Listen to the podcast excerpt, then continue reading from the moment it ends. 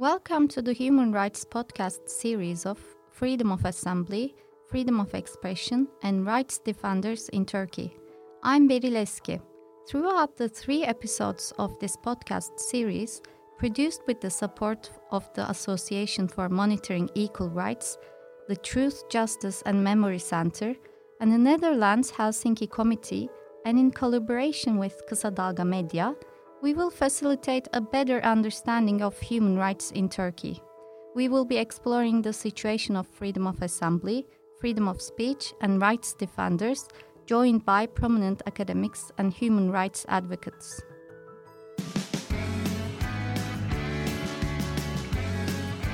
Oku, dinle, izle. Kısa Dalga. In this third episode of the podcast series, produced with the support of the Association for Monitoring Equal Rights, the Truth, Justice, Memory Center, and the Netherlands Helsinki Committee, and in collaboration with Kısa Dalga Media, we will be facilitating a better understanding of the situation of human rights defenders in Turkey, joined by Emma Sinclair Webb. Sinclair Webb is Human Rights Watch's Turkey director, and she's a passionate human rights advocate. Emma, welcome. Thank you very much. It's Good to be here. So, our first question is Who is a rights defender? Are there any standards, international standards, to define human rights defenders? Well, yes. Uh, the term uh, human rights defender uh, was one that was actually introduced with a declaration on human rights defenders by the United Nations. And that declaration was published in 1998. And the full name of the declaration is the Declaration on the Right and Responsibility of Individuals, Groups, and Organs of Society to Promote and Protect universally recognized human rights and fundamental freedoms. And that's a very long title, so it's always abbreviated to the UN Declaration on Human Rights Defenders. And this declaration really lays out uh, what a human rights defender is and the value of promoting human rights in a country. So uh, it calls, I mean, it has three central sort of pillars to the declaration, which is about val- recognizing the value and important contribution of rights defenders to peace, sustainable development, and human rights in a country. So states have a, an obligation to recognize this, the value of these people involved in rights defense. And then it also introduces the idea that you have to respect human rights defenders uh, and not discriminate against them, not basically uh, have reprisals against them for their activities which are legitimate. So it calls on states to uh, uphold the right of human rights defenders to do their job. And then it also asks states to create an enabling environment through laws uh, and other steps to promote a, a, public understanding of human rights and of respect for uh, human rights in the country. So, and that includes education about human rights, for example, national institutions that uh, uphold human rights, and those can be public state institutions as well. So, this declaration on human rights defenders goes back to 1998. And really, from that point on, the term defender became more widespread, replacing other terms like activist and monitor, which had been uh, also used. And then uh, we have another very important guideline on human rights defenders from the EU, and that was brought in in 2004. It basically repeats much of what the UN Declaration on Human Rights Defenders says. But we can come back also in this description of what human rights defenders are to actually uh, the definition, because it's a very wide definition.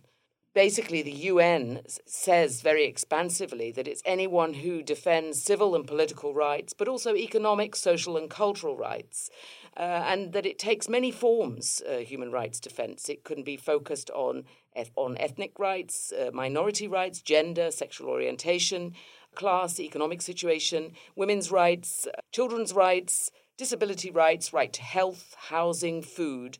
Trade unionists are counted as human rights defenders. Sometimes journalists are counted too because they do a lot of rights work in their journalism.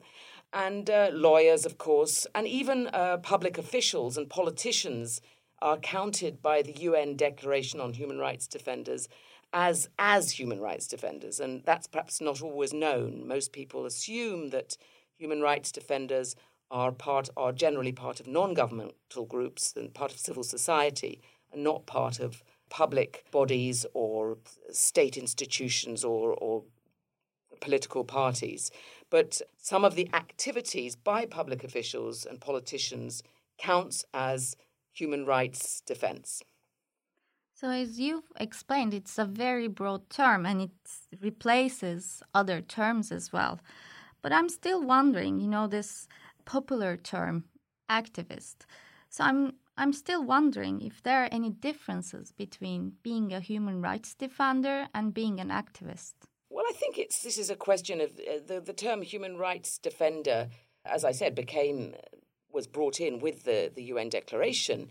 But activist is a term widely used, uh, and I think activist is even more expansive because with activist, we also are talking about political activists. So they could be politicians, people in political parties, members of political parties, who explicitly are not counted as distinctly as human rights defenders, even though some of their activities too could be uh, promoting human rights. Human rights defenders are protected by international conventions and declarations.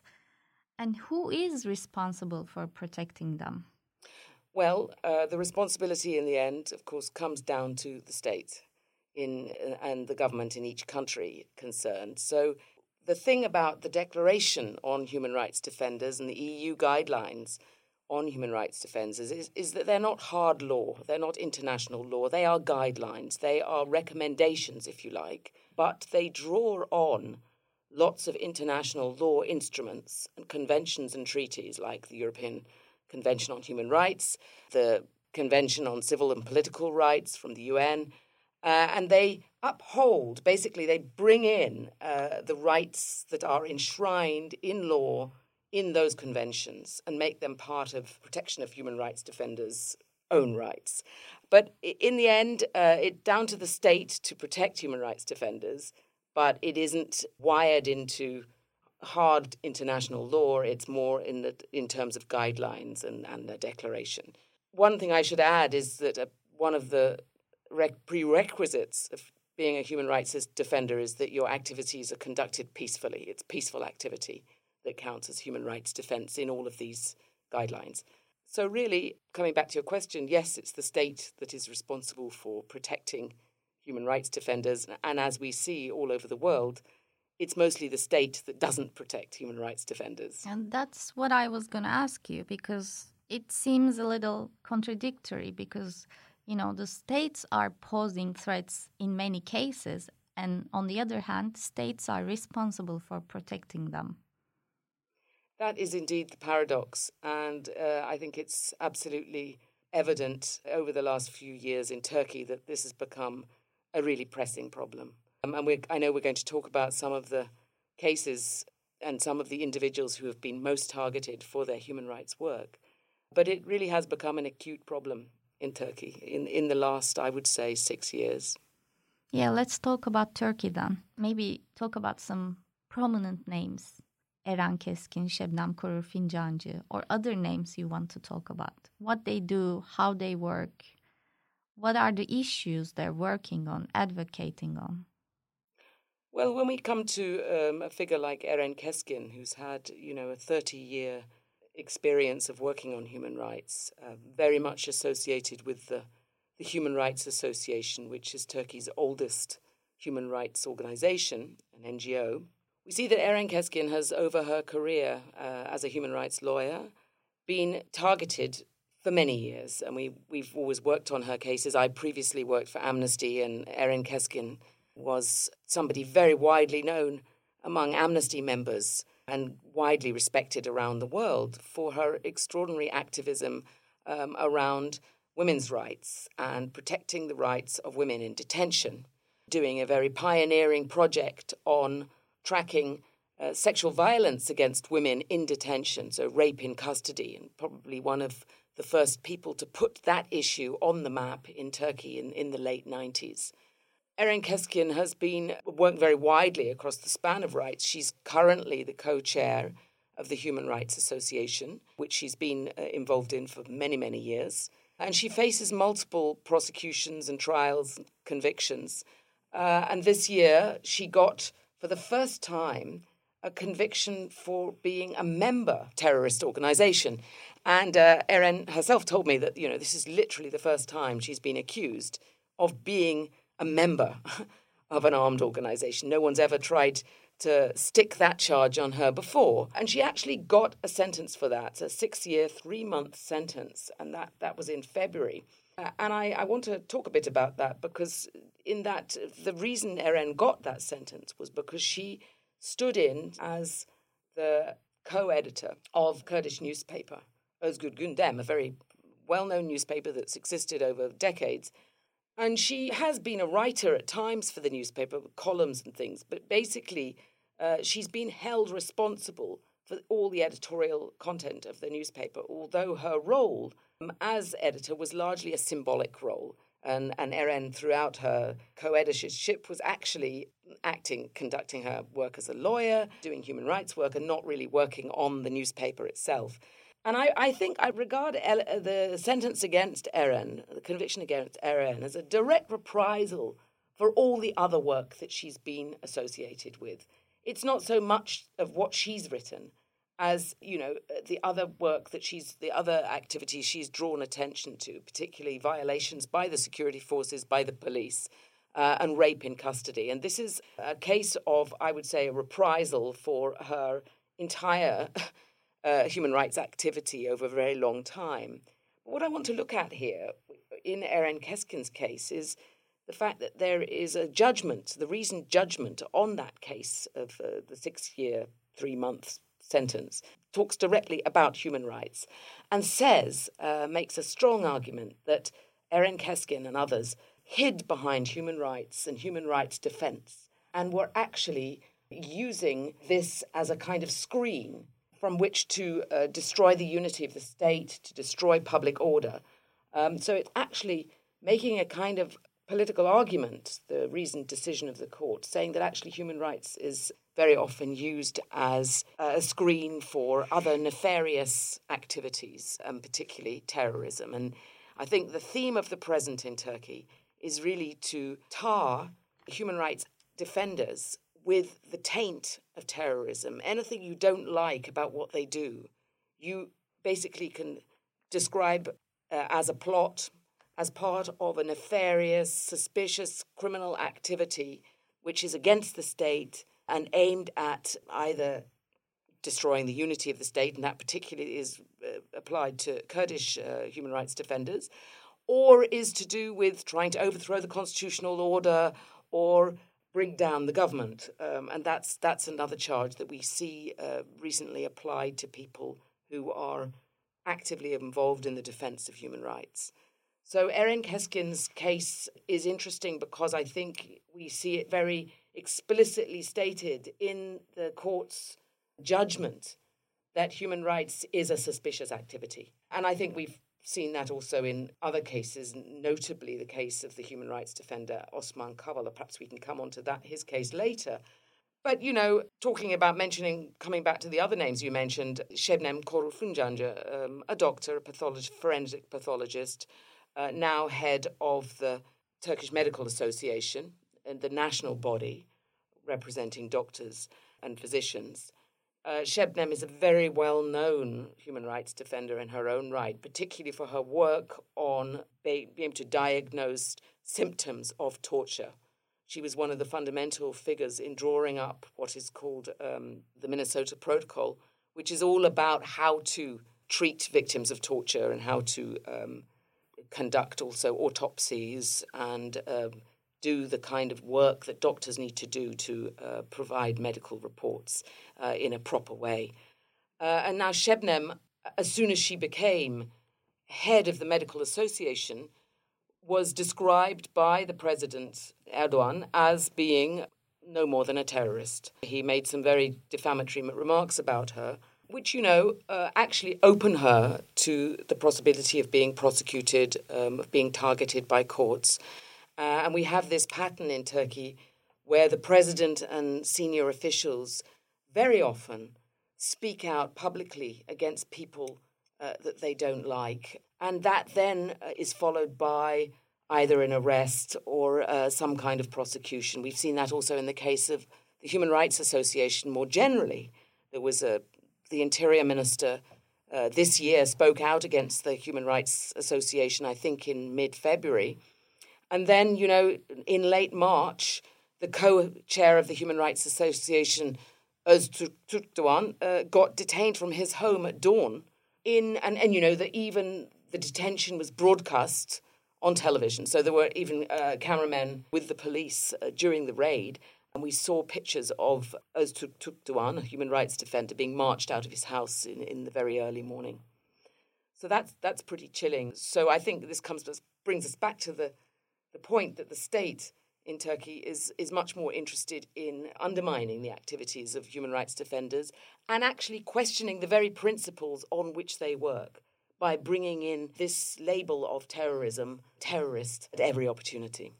Well, you talked about the risks they are taking, the human rights defenders in Turkey, mainly persecution, but also being targeted by the senior officials, the president himself. But are they facing any other risks by being a human rights defender in Turkey? Like Tahir Elçi case, for instance. Of course. Uh, now, Tahir Elçi was formerly the head of the Diyarbakir Bar Association and a very well respected human rights lawyer over decades. Tahir Elçi's work for an international audience, is important to explain, was very much in the 1990s during at the height of the conflict between the PKK and the state. Tahir Elçi documented and worked on cases of enforced disappearances in the southeast of the country and uh, extrajudicial executions, killings, torture big, you know, egregious human rights abuses in, in that period. And he took many cases to the European Court of Human Rights, which is a very important contribution to the case law of the European Court on this issue. And I think Tahir Elçi was, you know, really a, a pioneer of um, the promotion and protection of human rights in for Kurds in the southeast. Years later, he became head of the Bar Association, and, and during that time in 2015, after the collapse of a peace process between the PKK and the Turkish state, Tahir Elçi uh, got again involved in human rights monitoring and documentation as head of the bar. And he was in the late in late 2015 he was writing many reports about the rising conflict in the region in different cities in his own town of Jizre in Şırnak province also in Nusaybin in Silvan in, in many different towns of the southeast where there were curfews imposed by the state, but also very awful military operations and fighting in the cities because the PKK youth wing had entrenched itself in the in those towns um, and was actually conducting its fight from the city center. I mean, a terribly, terribly mistaken and awful policy at the time. And Tahir was very clear about condemning the PKK actions, but also condemning the security operations by the state, which were disproportionate and resulted in civilian deaths. Tahir after all this work documenting rights, he did he held a press conference in the center of Diyarbakir, old city, actually condemning the hostilities, the fighting in the city, uh, and stay away from our historical monuments, stay away from our city centers stay away from our culture and civilization of hundreds of years. And, uh, you know, civilians should live in peace and be protected in the city center.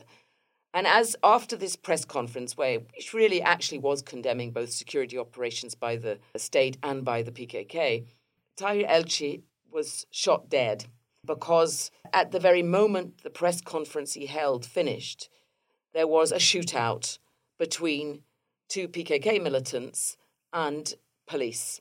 The PKK militants killed uh, two police officers um, and ran down a small street where Tahir Elçi was making his press statement.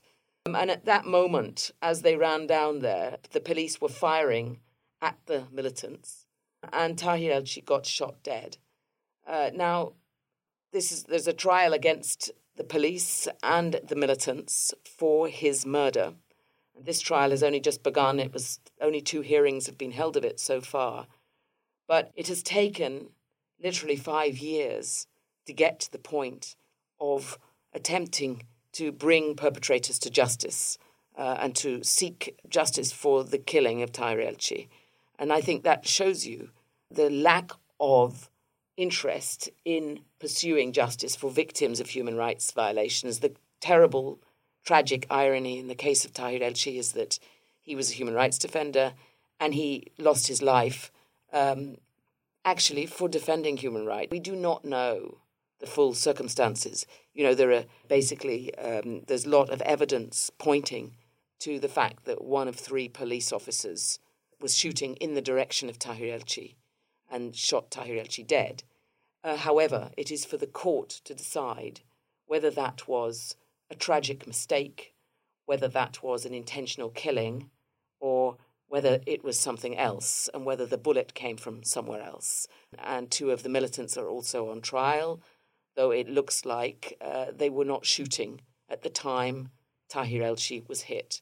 And we have uh, substantial work actually reconstructing the last moments before Tahir Elçi died by an organization in London called Forensic Architecture, which actually points to the fact that this is very likely to have been a police bullet.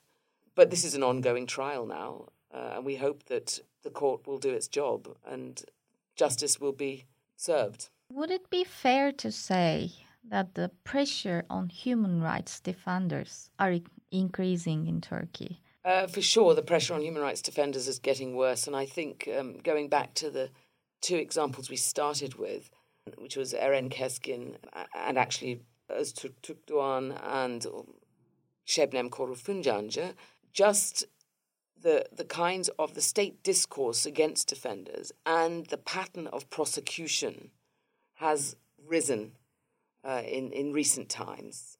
Uh, but we can't talk about that without also talking about the case of Osman Kavala and the case of the human rights defenders who became known as the Istanbul 10, 10 plus 1 in the end, who attended a human rights training on the island of Büyükada off Istanbul and got arrested and jailed for some period, but also put on trial for terrorism. That's a very important case. So all of these cases are from the last five years. And I think it really does show us that there is an escalating pressure against defenders.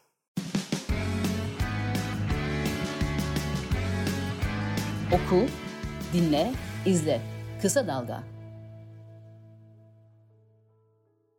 On July 5th, 2017, Turkish police raided a digital security workshop on Büyükada Island, one of the Princess Islands off the coast of Istanbul, that was organized by local human rights organizations in cooperation with Amnesty International Turkey's branch.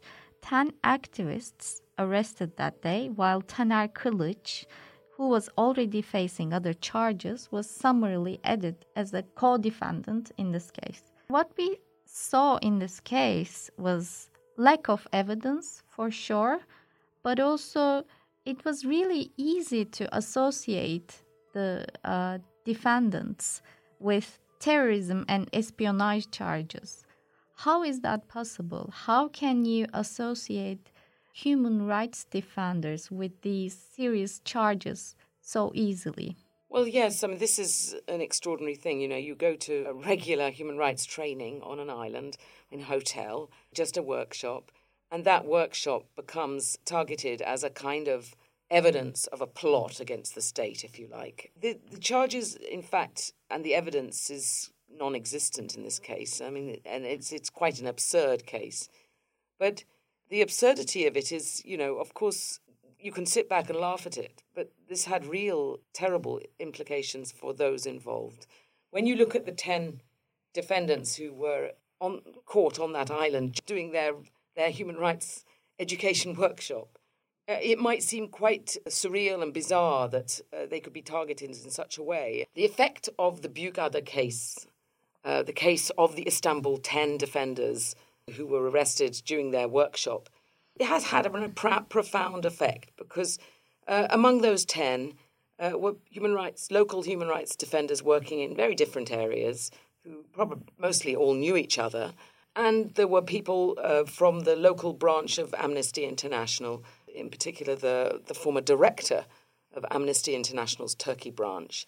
And I think the effect of being arrested, uh, held for several months uh, in detention before being released and put through this really abusive trial in which there really was no evidence. Uh, and the court, there were these uh, really surreal court proceedings that were quoting all sorts of uh, bogus evidence as and calling it, uh, describing it as, you know, evidence of terrorism.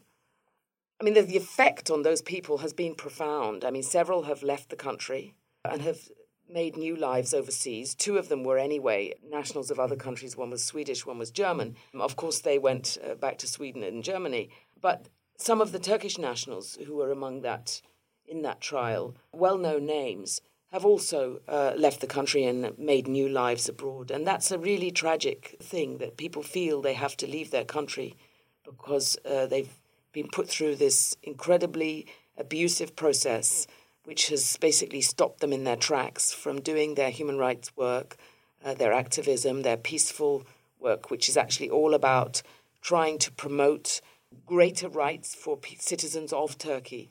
But you find yourself in your own country described as uh, a traitor and uh, stigmatized, ostracized, uh, and really forced uh, forced out of your uh, activities and even feeling you have to leave the country the threat of the possibility of going back to prison has for many people been just too much. And, and that's entirely understandable. Why should someone have to feel that at any moment they can be arrested at dawn from their house when they've done absolutely nothing to merit it? So that trial is an important one. And, you know, really it, it's very difficult for the former chair of uh, Amnesty Turkey, Taner Kılıç, who's a lawyer in Izmir, because Taner got a conviction as a member of a terrorist organization after that trial. And, uh, you know, if his conviction is upheld by the top court, he will lose his license as a lawyer, be unable to function as a lawyer in Turkey. Now, you know, obviously, we hope very much that that will be overturned because there is no evidence against Taner Kilic as a, or against any of the others of any criminal activity. So it is a landmark trial. And after that trial, we saw uh, the targeting of another human rights defender just months later, o- Osman Kavala, who remains in Silivri prison where he's been for the last three and a half years. And his case, you know, perhaps is ev- uh, there's an even greater injustice there because of the length of the detention. Uh, and the detention, which is endlessly prolonged on the grounds of with new charges, new bogus charges against him, an attempt to extend the trial against him. He's blamed for organising and financing the Gezi Park protests of 2013. He's also accused of involvement in the 15th of July 2016 coup attempt. He's also involved in uh, allegedly in espionage. The, the, charges go on and on against Osman Kavala. Uh, and actually, Osman Kavala's activities were, I think, squarely uh, in the defense of human rights. He runs from prison an association called, uh, a non government group called Anadolu Kültür, which very much promotes rights and justice in Turkey through arts, through cultural production, uh, looks at facing the past, at Turkey confronting its own history, and aims to bring a more equitable Turkey and a more democratic Turkey. That's very much the, the point of the work of Anadolu Kültür.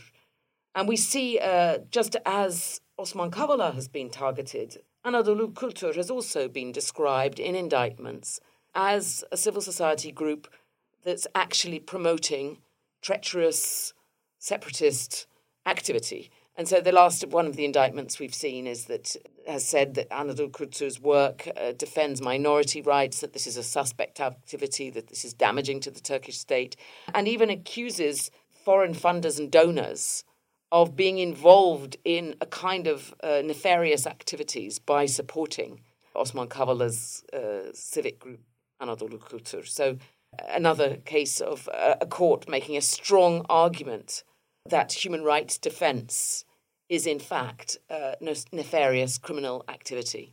Osman Kavala is a businessman, but he's well known as a, you know, as a civil society figure. You can even say a civil society leader. And what I understand is that he's targeted because of his work in civil society. Is that right? Yes, I believe that Osman Kavala has been targeted for, because of his work in civil society. He, uh, you know, ran Anadolu Kultur and still runs it from prison. And it's a, an organization that actually is all about promoting a more democratic and peaceful Turkey in the future by looking at Turkey's history, by confronting the past, by promoting arts and cultural production, by remembering the history of minorities in Turkey and, you know, the highly pluralistic past that Turkey had. So I think it's uh, those activities, certainly, and Osman Kavala's work with NGOs, and in general, his network within civil society, connection also with international regional groups working on human rights type issues, has definitely uh, made him brought him to uh, the attention of the Turkish authorities. The idea that he could be blamed for the Gezi Park protests is very far fetched. There's no causal link between what happened in Gezi Park and Osman Kavala's own activities. It's quite impossible that Osman Kavala and 15 others could have plotted and planned the Gezi Park protests to happen and to spread all over the country. And yet, Osman Kavala and 15 others are being held responsible for everything that happened, the hundreds of thousands of people that went into the streets in 2013, and all the public, any damage to public property that happened in cities throughout the country. So it's absolutely an absurd charge. And I think, you know, they basically there was a need by President Erdogan to find a scapegoat for the Gezi Park protests because it's very intolerable for the president to think that there could have been anti government protests in 2013. So obviously, someone organized them. It's not something that could happen spontaneously, the, the president likes to think. But all the evidence points to it being an utterly spontaneous, unpredictable set of protests that happened back then. So it's uh, really absurd to pin it on these 16 people. But the figurehead, of course, the leader of those 16 is definitely, uh, in the eyes of the president and the eyes of the AKP or senior government officials, Osman Kavala, and we have his name constantly repeated by the president, uh, recently by the interior minister as well. And the European Court of Human Rights has said, you know, the fact that the president kept mentioning Osman Kavala's name, kept saying he was guilty, represents a direct interference in the case and points the way to the court what decision the authorities of Turkey want to see in that case. Uh, and so, even when Osman Kavala got acquitted for the Gezi Park protests, he got arrested a day later. There has been every conceivable move to keep him locked up in prison. That has been the entire aim of the government around this case so far. And it is a truly, truly shocking case uh, in a way that I think uh, there, there is no other case against human rights defenders quite like that case. The European Court of Human Rights called for the immediate release of Osman Kavala last year, uh, but despite that, Turkey has repeatedly flouted that order that he should be released and instead brought new charges against him uh, and continued the process against him. So, uh, you know, we've tried and we are still trying to advocate for his release all the time, but it's a really uphill struggle. And this seems to be a, a policy of personal revenge against Osman Kavala.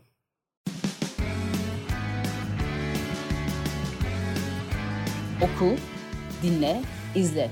Kısa Dalga.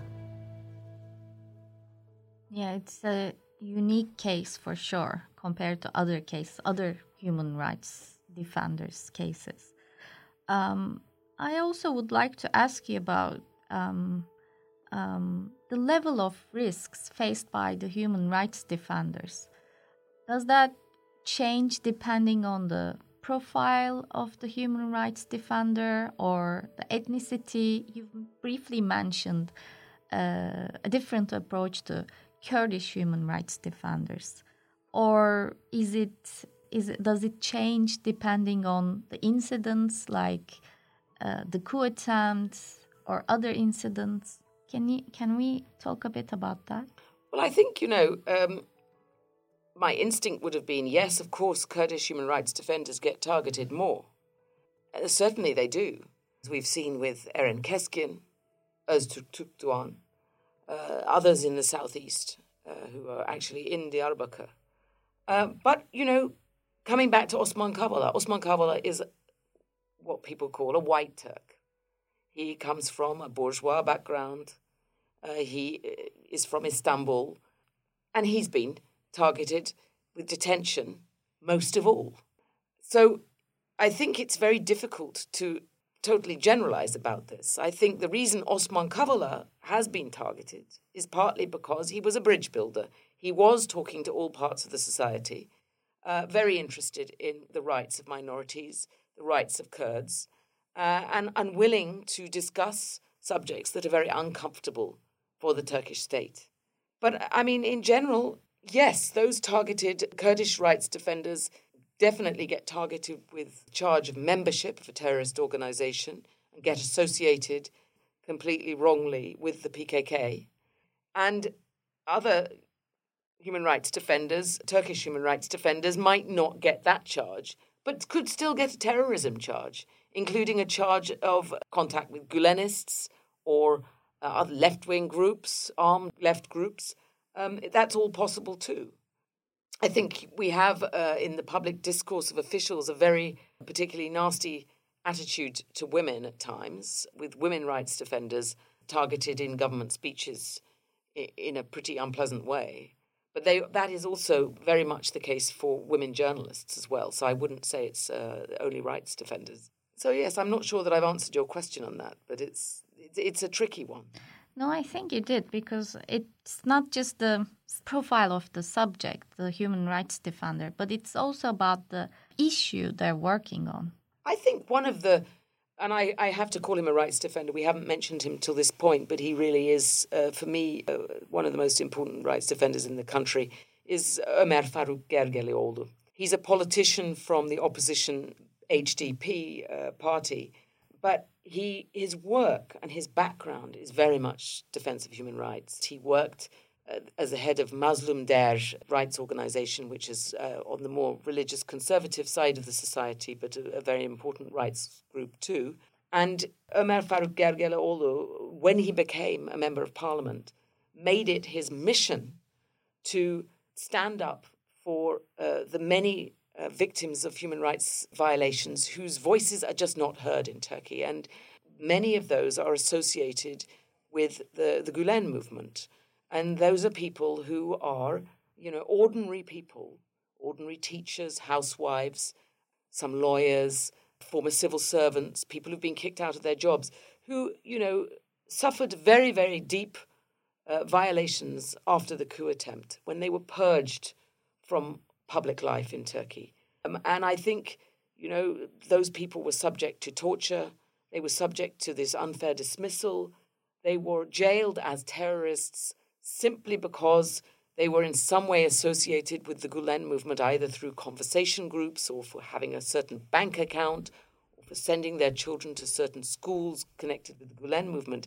But there, there was never any evidence in their cases of anything that could or should really be described as terrorism. And yet that was the charge they faced. And I'm not talking here about people who were involved in uh, organizing or actually involved as soldiers in the military coup of attempt of 2016. I'm talking about all the ordinary thousands and thousands of ordinary people who got labeled as Gulenists and targeted as termed terrorists overnight because of what had happened in the coup. And so I think it's very important to make a distinction there. And I think Ömer Faruk Gergerlioğlu has been, you know, an incredibly brave champion of their rights, very outspoken. Uh, and that comes not from a position of sympathy with the Gulen movement, but of a very principled look at the violations those people faced. And I think Gergerlioğlu is one of really an incredible uh, defender of human rights because he really does not focus on what the political orientation of the person is. He looks at the rights they've their rights that have been violated, and that's uh, very hard to do in Turkey in a very polarized political context where there's a lot of demonization of political enemies in the country. It's hard to do that without also being accused yourself of uh, associated with the groups whose rights you appear to be defending. So, how is the Turkish judiciary handling such cases? Carry on with Gergeroglu. I mean, an incredible thing. They basically, Turkish judiciary or Turkish authorities, because I don't think it does come from the judiciary, I think it comes from the government. They decided basically on the basis of an old tweet or a retweet that he'd dating back years, which was all about the Kurdish peace process failing.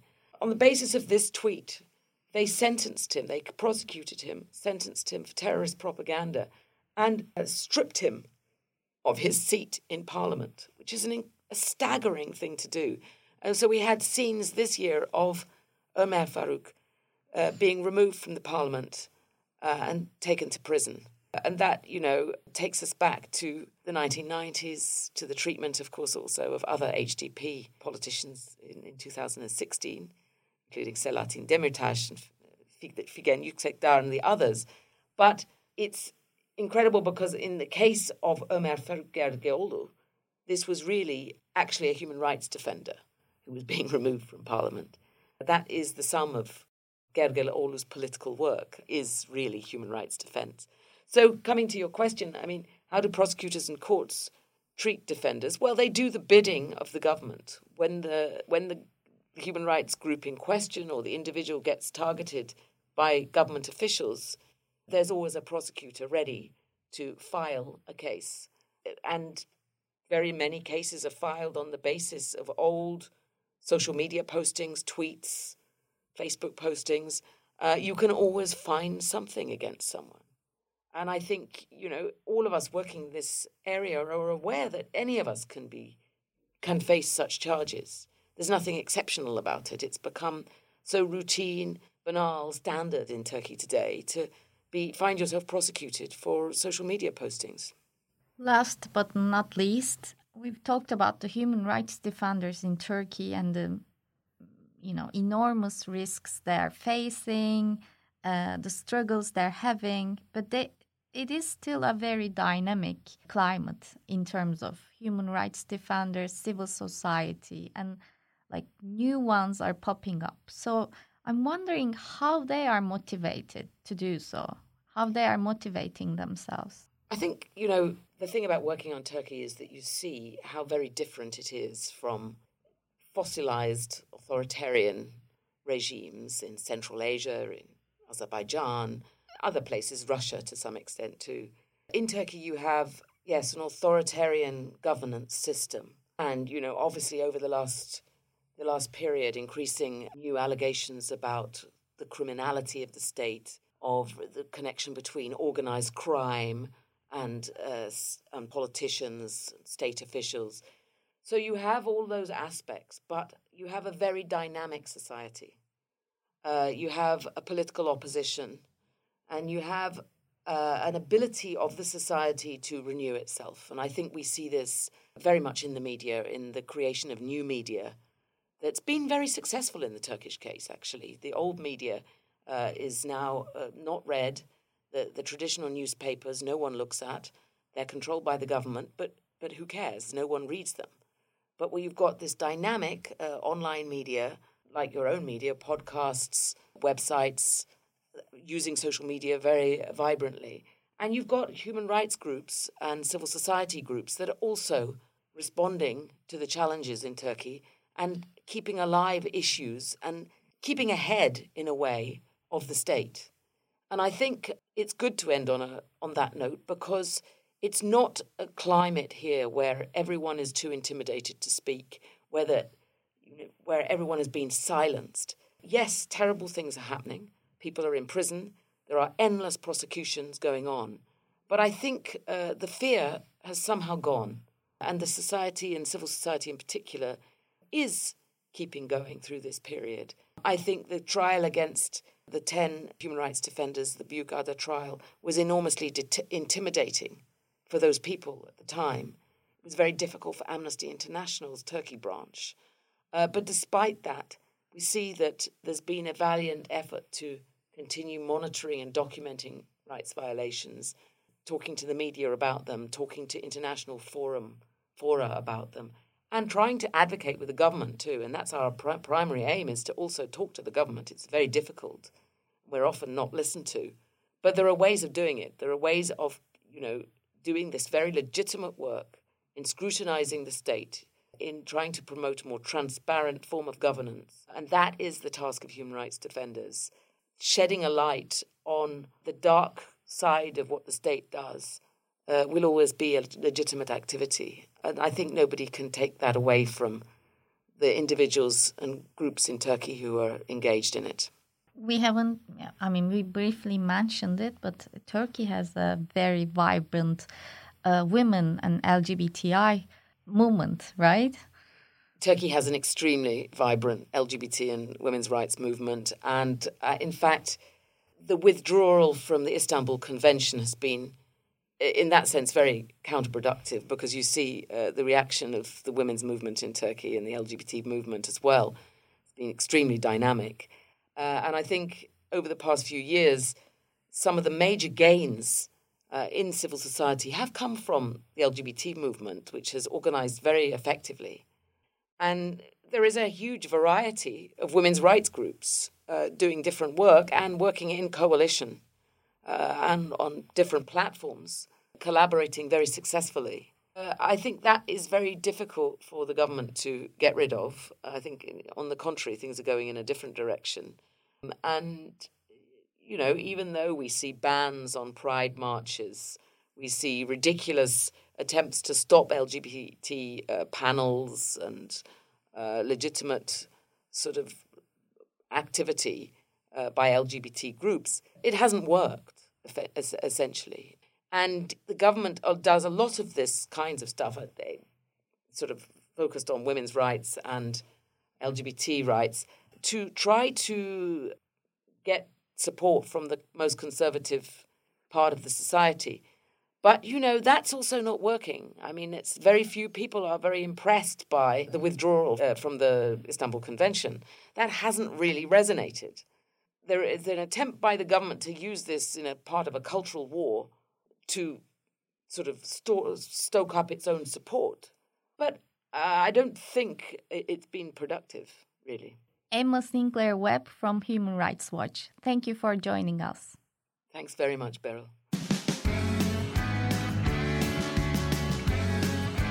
Oku, dinle, izle. Kısa Dalga.